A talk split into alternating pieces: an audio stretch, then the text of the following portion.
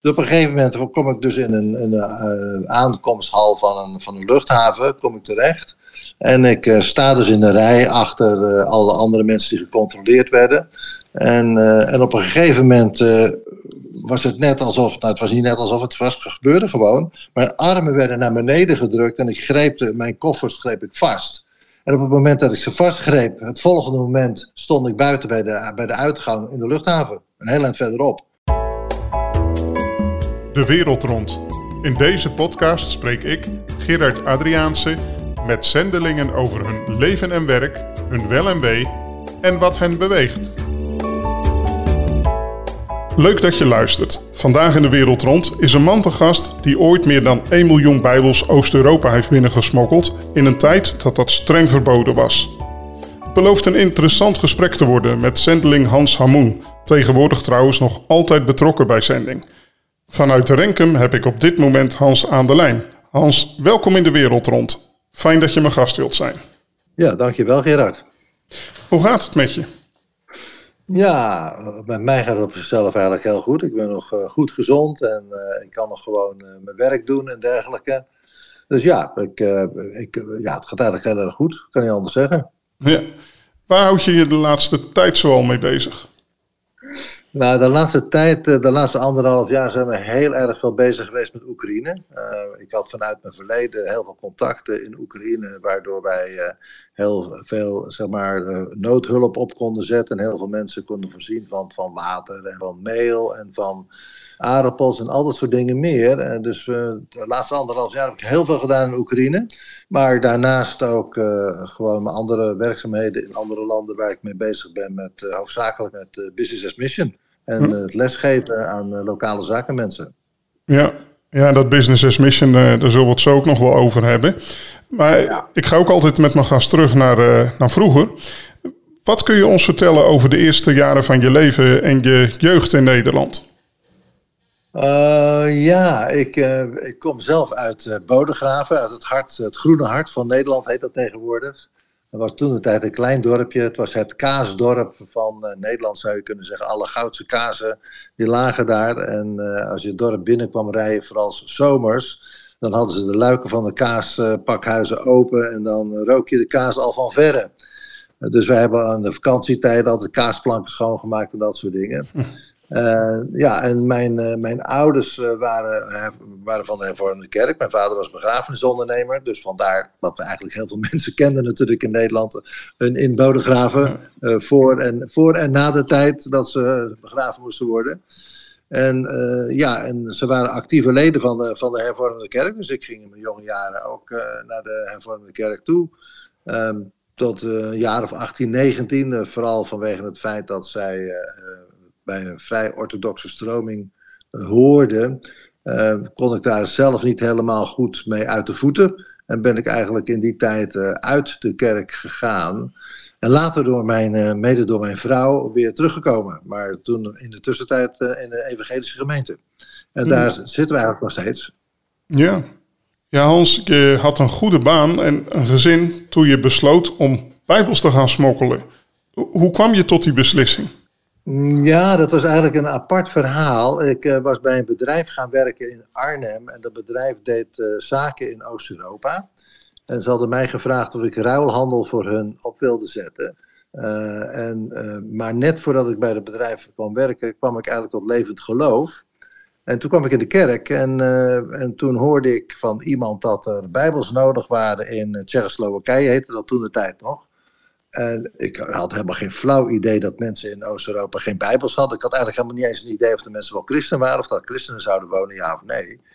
Dus toen ging ik naar die man toe zei ik, nou, ik zeg, ik, ja, ik werk uh, daar of ik ga daar werken. En uh, mijn eerstkomende reis is naar Moskou. Dus ja, misschien kan ik helpen. Hè? Ik wil best wel wat meenemen. En dat was eigenlijk wel een beetje, zeg maar, naïef van mezelf. Want ik had helemaal niet gedacht dat er zo'n verboden boek was in die tijd in, in Oost-Europa. Dus, uh, dus ik ben naar een van de organisaties gegaan. En dan heb ik een, een koffer vol met bijbels meegekregen. En met die bijbels ben ik uh, naar uh, Moskou getrokken. En ja, daar kwam ik eigenlijk pas tot de ontdekking dat het, ja, dat het best wel gevaarlijk was. Of dat in ieder geval dat de bijbel je niet zomaar naar binnen kon brengen. Dus eigenlijk was het een hele natuurlijke reactie om Bijbels te gaan smokkelen. Voor mij was het helemaal niet eens smokkelen. Het was ook eigenlijk geen beslissing. Ik heb het gewoon gedaan. En uh, ja, dat, dat, ja, daarna begon mijn leven een hele andere loop te nemen. En uh, waren de wonderen de wereld nog niet uit. Nee, nee. Ja, vooral voor de jongere luisteraars is het waarschijnlijk goed dat je uitlegt waarom de Bijbel in Oost-Europa tot eind jaren 80 een verboden boek was. Nou ja, in die tijd, zeg maar uh, vanaf 1917 tot eind jaren 80, werd Oost-Europa geregeerd maar, door, de, door de Sovjet-Unie. En de Sovjet-Unie was een communistische maatschappij. En in het communisme uh, werd gepreekt dat uh, godsdienst is opium voor het volk. En wie in God gelooft is dom. Dus alle christenen die er waren in die tijd en die, uh, die, die, die, geloofden, die konden ook niet naar school toe of naar een universiteit toe. Want ja, wie dom was, kon niet studeren. Dat was een beetje een simpele, simpele zaak. En op die manier uh, was, was de Bijbel een verboden boek. Ze wilden het communisme zo helemaal zoals het toen de tijd was, wilden ze dat implementeren in de hele bevolking. Dus iedereen moest hetzelfde gaan, gaan geloven. En het christendom uh, was daar op tegen, natuurlijk, omdat we niet in het communisme geloven, maar in de Heer Jezus. En vandaar dat het een verboden boek was. En de mensen zo ver mogelijk bij de Bijbel vandaan gehouden werden. En, en iedereen gepoest werd om eigenlijk het communisme aan te hangen. Ja, duidelijk. Hoe stond je vrouw eigenlijk tegenover het plan dat je bijbels ging smokkelen, Hans? Ja, nou, wij waren, wij waren enthousiaste, net enthousiaste christenen geworden. Dus ja, alles wat, eigenlijk wat we konden doen in het Koninkrijk van God was eigenlijk prima. Dus dat, mijn vrouw vond het ook prima. Ik bedoel, ja, ik bedoel, de mensen hadden geen Bijbel, dus ze moesten een Bijbel hebben. En dat ik dat dan uh, ging smokkelen omdat ik daar toevallig kwam, ja, dat vond ze prima. En, uh, en zij heeft er ook altijd biddend achter gestaan. Uh, eigenlijk al die tijd overal achter gestaan wat, wat we gedaan hebben. In wezen altijd samen gedaan. En ja, dus het was eigenlijk ook voor haar ook een natuurlijke manier. Want ja, we waren echt vanuit de duisternis in het licht gekomen. Nou, we wilden dat iedereen laten weten. En we waren super enthousiast daarover. Dus we deden alles wat mogelijk was om, het, om de Bijbel en het Evangelie maar waar dan ook te brengen.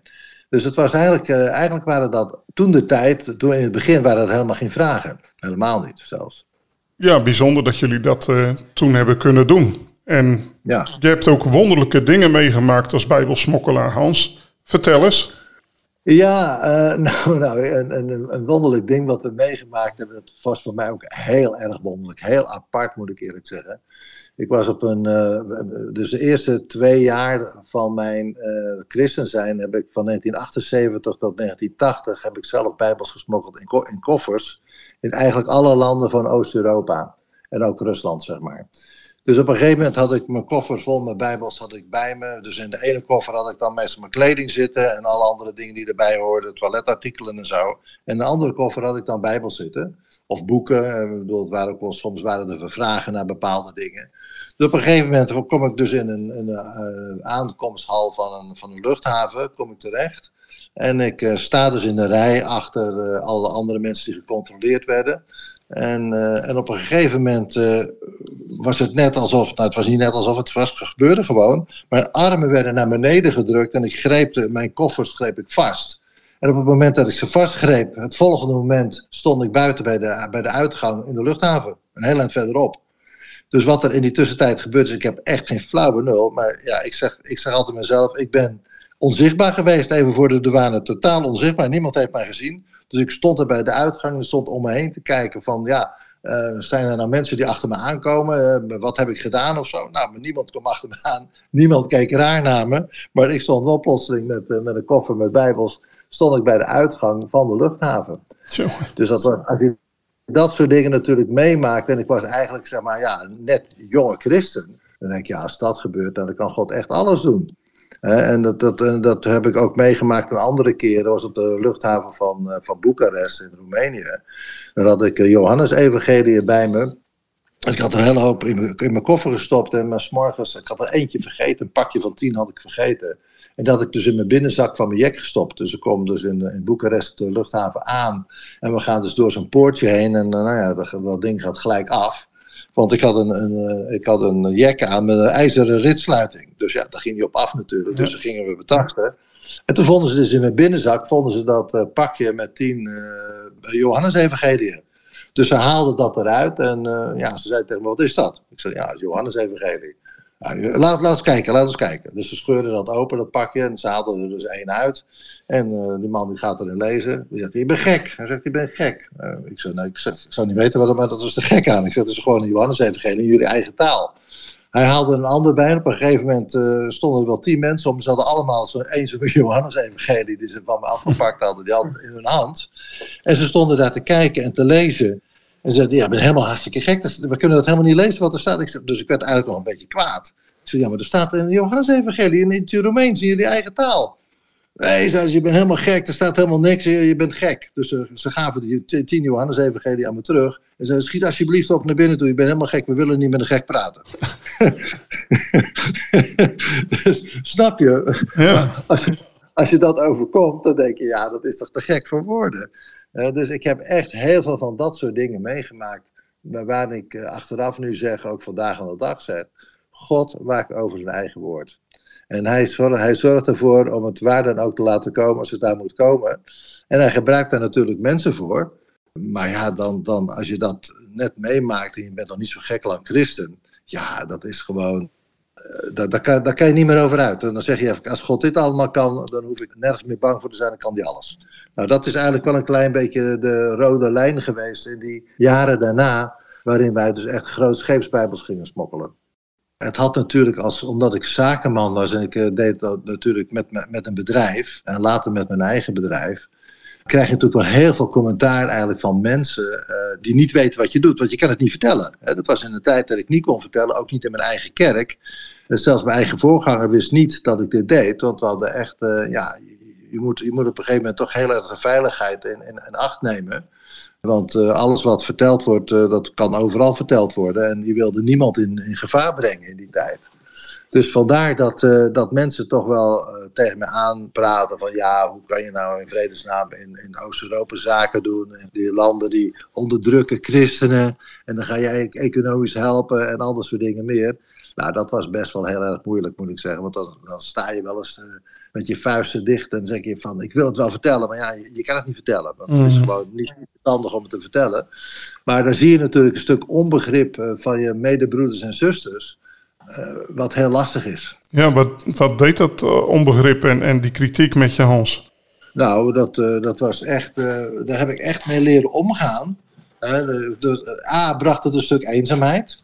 Want ja, je hoort voor een aantal mensen niet meer tot, tot de groep. Uh, en omdat je zakenman bent, hoorde je sowieso al niet erg tot de groep natuurlijk. Want ja, de meeste mensen zitten niet in zaken. En zakenmensen worden toch vaak vergeleken met mensen die veel geld hebben. En uh, duur dit hebben, duur dat hebben. Dat deden wij helemaal niet trouwens. Maar goed, uh, anyway, dus daar zit je, daardoor zit je al een klein beetje buiten de, de gemeenschap. Nou, als je dan dit er nog bij komt, komt er echt een stuk eenzaamheid over je heen. dat was best wel heel erg lastig. Dus we hebben moeten leren, mijn vrouw en ik, we hebben alle twee moeten leren, oké. We moeten niet naar mensen kijken, we moeten alleen maar naar de Heer kijken. Dat is het enige wat, uh, waar echt een redding zit, maar ook het enige waar je echt naar moet kijken. Want mensen kunnen je van alles en nog wat mijs maken en van alles en nog wat doen.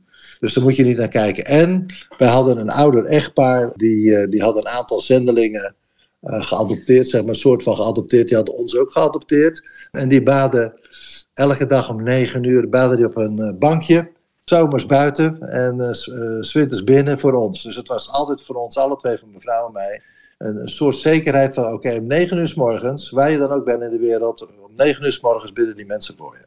En dat, dat was zo'n ongelofelijke motivatie ook, uh, dat, om te weten dat er altijd voor je gebeden wordt. Ja, geweldig. Ja, Hans, je kwam zelfs in een crisis terecht, begrijp ik. Hoe ben je daar uitgekomen? Ja, nou dat was, die crisis was natuurlijk heel lastig, tot op een gegeven moment iemand bij mij kwam en die zegt, Hans, weet je wat je moet lezen? Dit boek. En dat heet Crucified by Christians. In het Nederlands is het ook uitgegeven, gekruisigd door christenen. Maar ik vond het in het Nederlands niet zo goed, moet ik eerlijk zeggen. Ik heb het in het Engels toen een tijd gelezen. Het sprak mij veel meer aan dan in het Nederlands. Maar goed, maakt niet uit. In ieder geval, toen ik dat las, ging het eigenlijk over Jezus. Het leven van Jezus. Dus de, de fariseeën en de, de, de Sadduceeën, dus de overheden, zeg maar de uh, religieuze overheid, wilde Jezus dood hebben op een gegeven moment, omdat ze bang waren van hem natuurlijk. En het volk liep achter hem aan. En bovendien, hun machtsfactor ging weg, vandaar dat zij uh, uh, hem dood wilden hebben. Dus toen, ze dat besloten hadden, was alles wat daarna gebeurde, was dat elk woord wat Jezus zei was eigenlijk een nagel aan zijn doodskist. Zeg maar, dat daardoor werd hij al gelijk weer opnieuw getypeerd. Nou, dat voelde ik eigenlijk bij mij ook. Alles wat, wat ik deed daarna was eigenlijk fout. Was, elk, was, was niet goed. En, en uh, ze wilden nou, dood hebben, niet in de zin van fysiek dood hebben natuurlijk. Maar wel, zeg maar, uh, zoveel onbegrip krijgen dat ik eigenlijk daardoor niet meer kon leven. En toen ik dat boek gelezen had, toen dacht ik, ja, nee, zie je, ik moet echt alleen maar op Jezus letten. Want kijk, hij heeft het allemaal meegemaakt. Hij heeft veel ergere dingen meegemaakt dan ik. Hij heeft meegemaakt. En als ik op hem let, dan hoef ik niet meer op alle mensen te letten. Dan kan ik gewoon mijn werk door blijven doen met hem samen. Dus toen heeft, heb ik dat ongeveer een anderhalf, twee jaar tijd. Uh, ben ik dus in een diepe crisis terechtgekomen. Dan ben ik op die manier ben ik weer uit die crisis gekomen. En dat was, ja, dat was echt een, eh, een geloofscrisis ook voor mezelf, moet ik eerlijk zeggen. Want uh, ik was me eigenlijk mijn geloof bijna kwijtgeraakt door dit soort dingen. Omdat je toch op een gegeven moment zoveel onbegrip krijgt dat je, dat je daardoor moeilijk kan, toch moeilijk kan leven, vond ik zelf. En achteraf gezien denk ik, ja, het is, het is gewoon een, een ja, een diepe een diepe uh, ervaring geweest met, met Christus zelf, waardoor ik geleerd heb dat er één, alleen maar één iemand te vertrouwen is, dat is Christus zelf. Je bent zelf eigenlijk niet eens te vertrouwen. Hè? We zijn allemaal geen van allen te, te, vertrouwen. Je bent jezelf ook niet te vertrouwen. Mm. Maar, Christus, maar Christus kan je altijd vertrouwen. En dat heeft me er eigenlijk doorheen gesleept. En heeft me er weer uitgehaald ook. Uh, en heeft me eigenlijk ook gewoon veel sterker gemaakt in mijn geloof. Ja, ja, je zult niet de enige zijn die dat hebt meegemaakt. En wat zou je de zendeling die nu luistert en zich wellicht bij tijd en wijle ook onbegrepen voelt, willen meegeven? Nou ja, daar zou ik echt tegen willen zeggen van oké, eh, zoek, zoek een vriend op of een vriendin op. Uh, ga daar samen mee bidden, ga er samen mee kijken. Of, kijk, of lees in de Bijbel zelf hoe Jezus daaruit gekomen is. En hoe hij kijkt naar de mensen toe. Want hij is altijd met een liefdevolle blik is hij blijven kijken naar iedereen toe. Zelfs naar die fariseeën en die schriftgeleerden die hem uh, om wilden brengen. Toch uh, keek hij dus naar hem uit naar een, met een liefdevolle blik, want iedereen heeft redding nodig en jij ook. En ik denk op deze manier, uh, zou ik ook die zendelingen willen zeggen die hier naar luisteren, kun je je geloof verstevigen en, en ook meer vasthouden en niet naar de omstandigheden kijken. Die omstandigheden kunnen ongelooflijk beroerd zijn. Ja, ja dankjewel. Hans, je bent ook betrokken bij Business as Mission. Wat is dat precies? Ja, toen ik dus zeg maar professioneel Bijbel ging smokkelen in, uh, in het begin van de tachtige jaren, uh, toen uh, had ik dus een, een ruilgoederenonderneming. dus een onderneming zeg maar, die goederen ruilde. Dus in die tijd hadden ze geen geld om, om spullen te kopen in Oost-Europa. Althans geen geld waar je, waar je mee kon komen. Dus we gingen daar goederen naartoe en andere goederen weer terug. En dat, nou, dat noemden ze dan ruilhandel. Maar tegelijkertijd brachten we daar ook bijbels naartoe. Toen heb ik dus zitten denken van ja, uh, op deze manier, als ik op deze manier meer zaken kan gaan doen, ook in de toekomst, ook in andere landen, kan ik eigenlijk zeg maar zending en zaken doen met elkaar verbinden. Dus ik, ik ga aan de ene kant heb ik een bedrijf en mijn bedrijf maak ik winst natuurlijk. En aan de andere kant kan ik er ook geestelijk werk mee doen. Want ik in, de, in het wegbrengen van de Bijbel deden we natuurlijk zeg maar silent uh, geestelijk werk. Maar je kan het nog verder uit gaan breiden door te zeggen, ja, ik kan het ook verbinden in een heel systeem, waardoor ik een bedrijf heb en met een bedrijf zeg een sociale impact gaat hebben op uh, bepaalde mensen waar ik mee werk, maar ook tegelijkertijd het evangelie kan verkondigen. En uh, dus, dus dan krijg je een systeem in je bedrijf zelf. En dat is eigenlijk wat ik noem business as mission. voordat het woord business as mission bestond, ben ik daar al mee begonnen in de tachtige jaren. En zo langzamerhand is dat uitgebreid en, uitgebouwd ook tot iets wat, ik, wat, ik, dus, wat wij vandaag nog steeds doen. Ik heb er een organisatie voor opgericht, de organisatie Stichting World Partners in 1995. En sinds die tijd zijn we dus allerlei business as mission bedrijven gaan opstarten. In andere landen, in Hindoeïstische landen, maar ook vooral in uh, moslimlanden. Uh, omdat dit heel goed past zeg maar, in hun structuur. Uh, want er gewoon een zendeling kan, een zendingbedrijf in een moslimland is een beetje lastig. Uh, maar als het, als het in je bedrijf zelf als een structuur zit, kan je gewoon je evangelie verkondigen doordat je toch continu eigenlijk met mensen uh, te maken hebt. De mensen gaan altijd aan je vragen, waarom doe je dat? Waarom kom je hier? Wat, wat ga je werken? Je kan altijd je hart vertellen dan. En op die manier kan je ook tegelijkertijd zending bedrijven. Dus het wordt, het een totaal pakket van een, uh, van een zaak, van een bedrijf, wat winst maakt, wat een sociale eh, impact heeft in bepaalde landen, bepaalde gebieden. Het hangt een klein beetje van het project af. En wat altijd een, eh, een missionaire impact heeft. Ja. Dus dat is eigenlijk, nou daar heb ik ook een boek over geschreven. Dat heet Zaken doen met God. Dus als mensen daar wat meer over willen weten, dan staat het heel duidelijk in beschreven. Zaken doen met God gaat over een stuk uh, historie. Het begint eigenlijk bij de, bij de apostel Paulus. Die deed al business as mission, want die werkte, hè, maakte tenten, uh, verdiende daar zijn eigen brood, boterham mee. En deed tegelijkertijd ook bijbelstudies en, sprak ook natuurlijk met mensen over het evangelie. Dus dat was eigenlijk al een, bijbel, een business as mission. Maar, dus het hele boek gaat over een stuk historie van allerlei mensen die het al gedaan hebben. Mensen waarvan wij denken van, nou, daar hadden we nooit aan gedacht. Hè? Dus ik bedoel, de biermagnaat van Guinness Bier, Arthur Guinness, dat was een man die deed business as mission in Ierland. En, uh, hm. en, en Raiffeisen, dus oprichter eigenlijk de eh, finale oprichter van de Rabobank of Raiffeisenbank. Raiffeisen, Friedrich Raiffeisen, was een christen, die deed ook business as mission. Dus er zijn altijd al dingen geweest, ook door de loop der jaren, die zover gekomen zijn. Nou, daar vertel ik over. Dan laat ik ook zien wat voor soort eh, bedrijven dat ook zijn. En het laatste hoofdstuk gaat erover hoe zet ik nou een business as mission bedrijf op. Mensen kunnen dat boek, als ze dat willen, kunnen ze dat boek bestellen bij uh, Stichting World Partners. Dus worldpartners.org. Als je daar naartoe gaat, dan kom je er automatisch uh, kom je bij het boek terecht. Ja, mooi. Ja, Business as Mission is dus inderdaad handig voor uh, bepaalde zendelingen in bepaalde gebieden. Op welke zendelingen en projecten richten jullie je voornamelijk, Hans? Wij doen hoofdzakelijk agro-projecten. Dus de meeste mensen die met ons werken, die hebben een, een agro-achtergrond. En uh, in heel veel landen, zeg maar, waar een zending nodig is, uh, kun je in de agrotechniek kun je heel veel uh, klaarmaken, maar ook gewoon heel dicht bij mensen komen. dus, en en de werkgelegenheid, het aantal mensen wat je kan bereiken, is ook groot.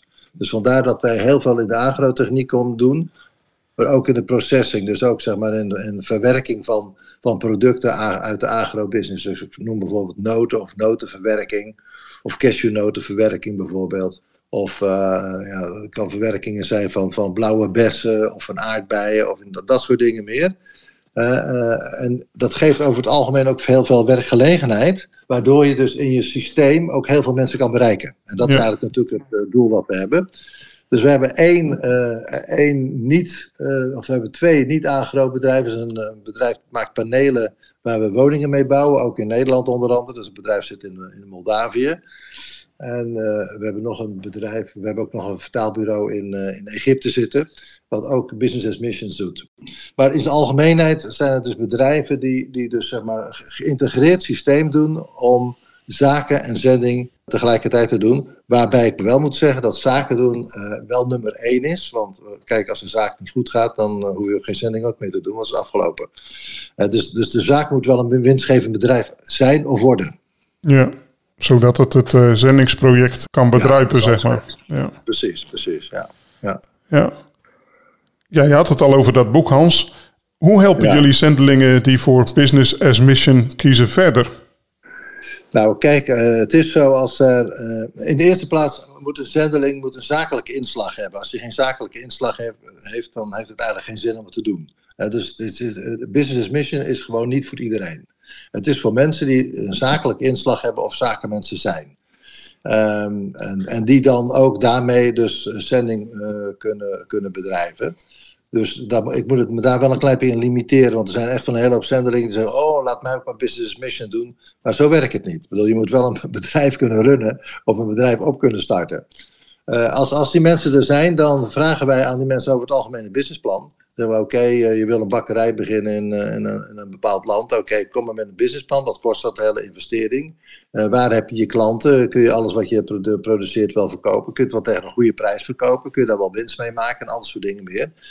Over het algemeen moet ik eerlijk zeggen, kunnen de meeste mensen niet echt een totaal businessplan maken. Maar als wij dus zelf denken, nou dat, is, dat ziet er toch wel goed uit dan helpen we ze ook met het businessplan uiteindelijk maken, helemaal maken. En, ook met een studie, een haalbaarheidsstudie doen in een land zelf. dus we gaan niet echt over één nacht ijs. We gaan niet, over, we gaan niet zeggen: oké, iemand komt met een goed idee. Oh, fantastisch. Nou, dan stoppen we even geld in. Want het geld wat wij krijgen is altijd geld van donoren. Wij, wij werken met sponsoren, met mensen eh, die veel geld hebben, eh, uit, uit, Nederland, maar ook uit andere landen. En die hun geld steken in een bedrijf in, in een bepaald land, wat sowieso al een risicovolle land is. Wij werken heel veel in de moslimlanden. Nou, de meeste moslimlanden zijn gewoon risicovolle landen. En uh, dus je kan het geld ook makkelijk kwijtraken. Uh, weten de mensen ook die erin investeren dat het geld kwijt kan raken. Maar we vinden natuurlijk wel dat we aan de andere kant zoveel mogelijk moeten doen, of alles moeten doen, om het in ieder geval tot een succes te laten worden. Het hangt niet altijd van ons af, maar het hangt ook af natuurlijk van omstandigheden. Kijk, zoals we nu zien in Afrika, heel veel van die, uh, van die staatsgrepen, ja, dan is het heel lastig om in een land te werken waar net een staatsgreep geweest is, waar de, de hele boel ontploft. Uh, dan, dan, gaat het ook vaak niet goed met het werk. Wij hebben, wij hebben bedrijven gehad in West-China onder de Oeigoeren. Al die bedrijven zijn gesloten door de Chinese overheid. Ja, dat zijn dan wel dingen die, die je krijgt waardoor je dan wel geld gaat verliezen. Maar er zijn we gelukkig wel Oeigoeren tot geloof gekomen. Maar eh, begrijp je, dus het, we werken wel in landen waar een hoger risico zit dan bijvoorbeeld in Nederland. Ja. Dat, dat is sowieso een punt. Dus mensen die uh, zeggen, nou wij willen graag zo'n bedrijf oprichten, die kunnen altijd bij ons komen naar World Partners of naar mezelf. Ze kunnen mij een e-mailtje sturen of wat dan ook. En dan kijken wij met hen samen, is iets haalbaar of niet? Ja, en als wij dat zien dat het haalbaar is, zullen we aan alle kanten proberen om daarmee te helpen. En als we zien dat het niet haalbaar is, dan zeggen we dat ook. Als wij vinden dat het niet haalbaar is, dan wil niet zeggen dat het altijd niet haalbaar is. maar goed, het kan ook goed zijn dat wij zeggen, ja, want dit zien we echt niet zitten. Dit, past niet echt helemaal in ons concept, dat, dat werkt niet. Maar uh, in, andere gevallen, ja, we, we krijgen uh, zeker elke week wel aanvragen hierover uit, uit de hele wereld. En uh, ja, uiteindelijk kunnen we maar relatief weinig projecten doen, want voor elk project is ook nog eens een keer geld nodig. En, wij doen eigenlijk alleen maar midden- en kleinbedrijf. Dus dat zijn bedrijven van 10 tot 250 mensen. Met investeringen normaal gesproken tussen de 50.000 uh, en een half miljoen uh, investeringen. Dus ja, je, snapt wel, dat is, dat is niet heel, heel snel is, is zo'n bedrijf voor elkaar te maken. Dus, dus dat, dat kost allemaal tijd. Dat kost allemaal tijd. Ja, ja, ja. Dus, wij doen, dus wij doen geen microfinanciering, zeg maar. Uh, dus, dus mensen kleine financieringen geven van 500 euro en dat soort dingen. Daar zijn aparte ondernemingen voor of aparte banken voor die dat doen. Dat doen wij niet. Wij doen echt alleen maar uh, midden- en kleinbedrijf. Ja, ja. Ja, heb je ook een voorbeeld van een Nederlands project dat goed draait dankzij het Business and Mission model, Hans? Ja, nou, ik kan een van onze oudste projecten kan ik daarvoor nemen. We hebben een project gestart in 1997 in, uh, in Oekraïne. Uh, een boerderij. Um, een aardappel, wij noemen het uh, in de volksmond een aardappelboerderij. Dat is natuurlijk niet helemaal waar, maar ons hoofdproduct daar was aardappelen. Maar omdat je wisselteelt moet hebben met aardappelen, heb je minimaal vier, vijf keer het areaal nodig wat je nog nodig hebt voor aardappelen. Dus we hebben daar zo'n 400 hectare grond. In Nederland is dat best een hele grote boerderij. In Oekraïne is het echt gewoon helemaal niks. Het is een hele kleine boerderij. Want het zijn hele grote arealen grond natuurlijk. Maar voor aardappels is het best wel vrij groot. Dus wij hebben aardappels en we verbouwen aardappels en, en, en uh, zeg maar en, uh, graansoorten, boekweit en, en uh, ja, dat soort dingen, suikerbieten enzovoorts. En dat, hebben wij, dat doen wij samen met een lokale kerk in Oekraïne. En die kerk die had acht resocialisatiecentra. En die, en die mensen in die resocialisatiecentra, die moesten natuurlijk werken en die hadden geen werk.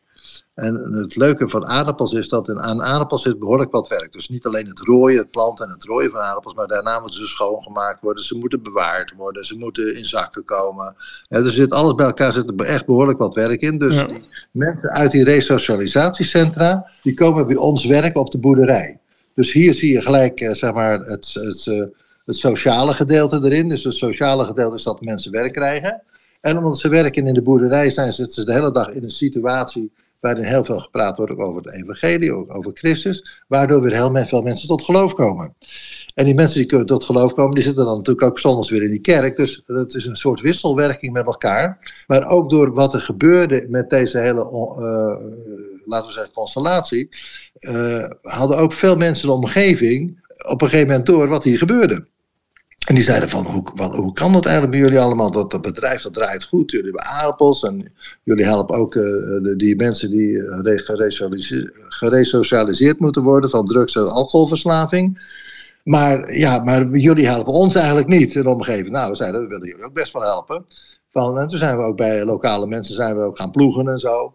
En lokale mensen hebben bijbelstudies mee, mee gestart en allerlei andere dingen. Dus op een gegeven moment kwamen er ook allerlei mensen uit de omgeving tot geloof. Die ook weer naar die kerk gingen. Dus uh, toen wij begonnen, uh, laten we zeggen, begin van de, eind van de negentig jaren, was het een relatief kleine kerk. Dus inmiddels uitgegroeid tot een hele grote kerk.